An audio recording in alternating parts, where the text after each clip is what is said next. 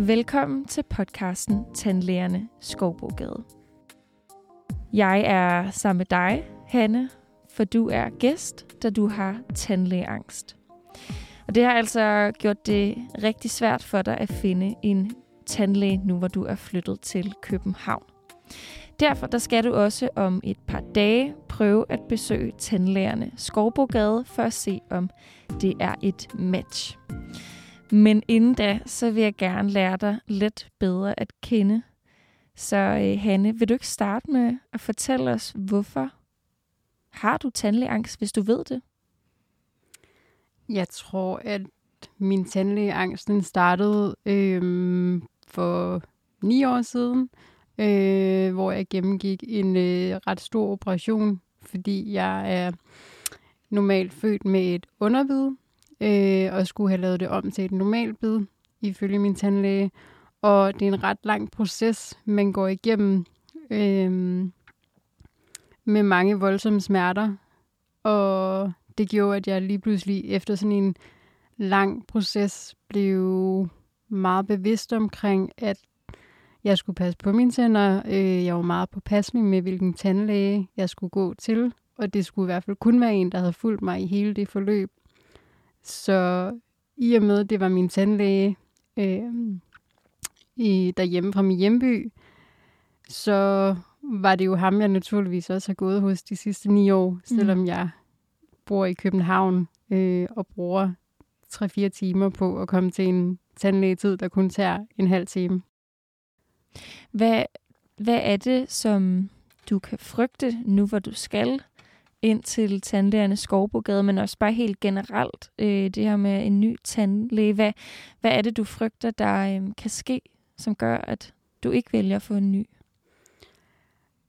Det, jeg frygter, det er, at jeg ikke kan åbne op for mine behov øh, i en tandlægesamtale. Hvor, hvilke behov? Det kan være et behov omkring, at jeg har behov for at tale min historik igennem. Mm, ja. øh, og det kan være tand for tand, øh, at der er nogle ting, som gør, hvis man rammer en forkert nerve, eller hvis man gør et eller andet forkert, så er jeg bange for, at der går noget i stykker i mine tænder. Jeg er næsten sikker på, at det nok skal blive en god oplevelse, men det må vi jo høre om om et par dage, når du øh, har været inde hos tandlægerne Skovbogade. Så når man hører øh, den næste lyd, så vil det altså sige, at øh, du har været derinde, og du sidder i studiet igen.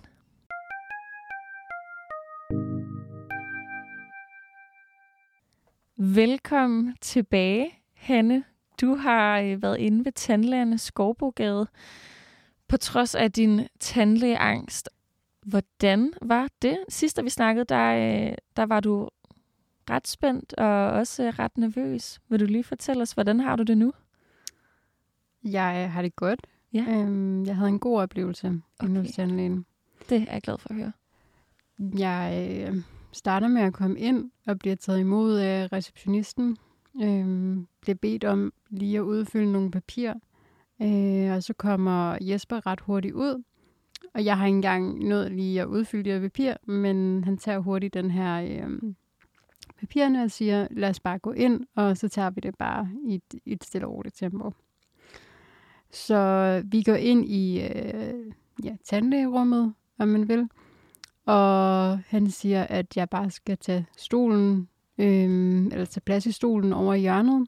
Nå, så ikke tandlægestolen, eller hvad man siger? Nej, ikke den okay. tandlægestol. Øhm, men vi starter med, hvor vi bare sidder og snakker over for hinanden. Han fortæller lidt omkring, hvad han øh, beskæftiger sig med, og spørger lidt mere ind til, hvornår den her angst den er opstået, øh, hvor jeg hurtigt fortæller ham, hiver en masse papir frem, øh, som er nogle røntgenbilleder fra da jeg blev opereret, hvor man kan se før og efter.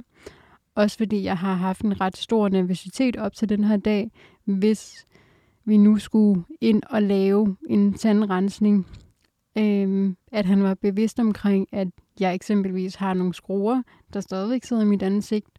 Øh, at han ved præcis, hvor de sidder, så han ikke trykker på noget, han ikke skal trykke på. Så, så du kommer ind, og I sidder bare og snakker, og ja. han øh, virker ligesom ikke til sådan at, at skynde på dig, og du får at vide, at du bare skal sidde i en almindelig stol. Hvad, hvad gør det ved dig?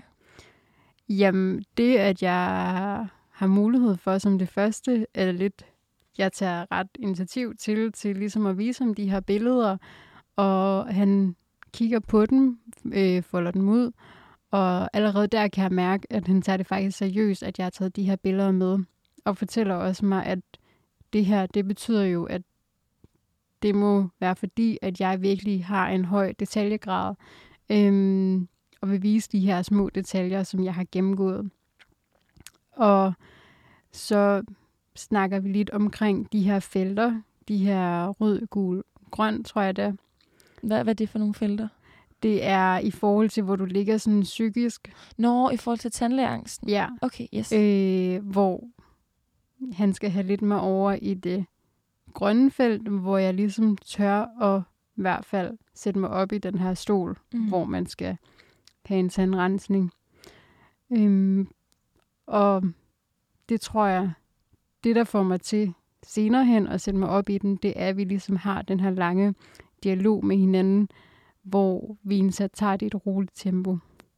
Så jeg skal ikke nå at sådan på tre minutter og forklare ham, hvad der er sket de sidste ni år. Øhm, det får jeg indsat rig mulighed for. Så der er faktisk ikke nogen sådan forventning til, at nu skal du bare direkte ind til en tandrensning. Det er ligesom, Nej. hvor er du Ja. i processen? Okay, Ja. fedt. Og du kommer så på et tidspunkt hen til det der grønne felt, som du beskriver, der hvor man er klar til at blive undersøgt lidt. Ja, Ja. at man i hvert fald finder modet frem til at kunne gøre det. Ja. Og inden vi går i gang, så viser Jesper mig, øh, hvordan man kan sige fra, hvis man føler, at noget det kan være ubehageligt, eller man har et spørgsmål under behandlingen. Øhm, og der siger han, at jeg skal lægge min højre hånd på, på min sådan, brystkasse. Og hvis der på noget tidspunkt er noget, hvor jeg gerne vil sådan reagere på det, så skal jeg vinkle min højre hånd op, så fingrene peger op i loftet. Og jeg må ikke tage den ned, før Jesper han er stoppet. Øhm, og det er ligesom mit signal til ham, at der er et eller andet, øhm, hvor han lige skal stoppe behandlingen imens. Okay. Og når vi så har snakket om det, så lægger jeg så min hånd tilbage igen. Ej, hvor dejligt, at der er sådan en eller anden form på, du kan også kommunikere, mens du Ja, ligger i stolen. ja, Ja. og det er super rart, for når man ligger og har ting ind i munden, så kan du ikke, det er virkelig svært at sige fra. Mm. Øhm, og det gjorde Jesper udtryk over for mig, at det er vigtigt, at hans patienter kan sige fra under en behandling.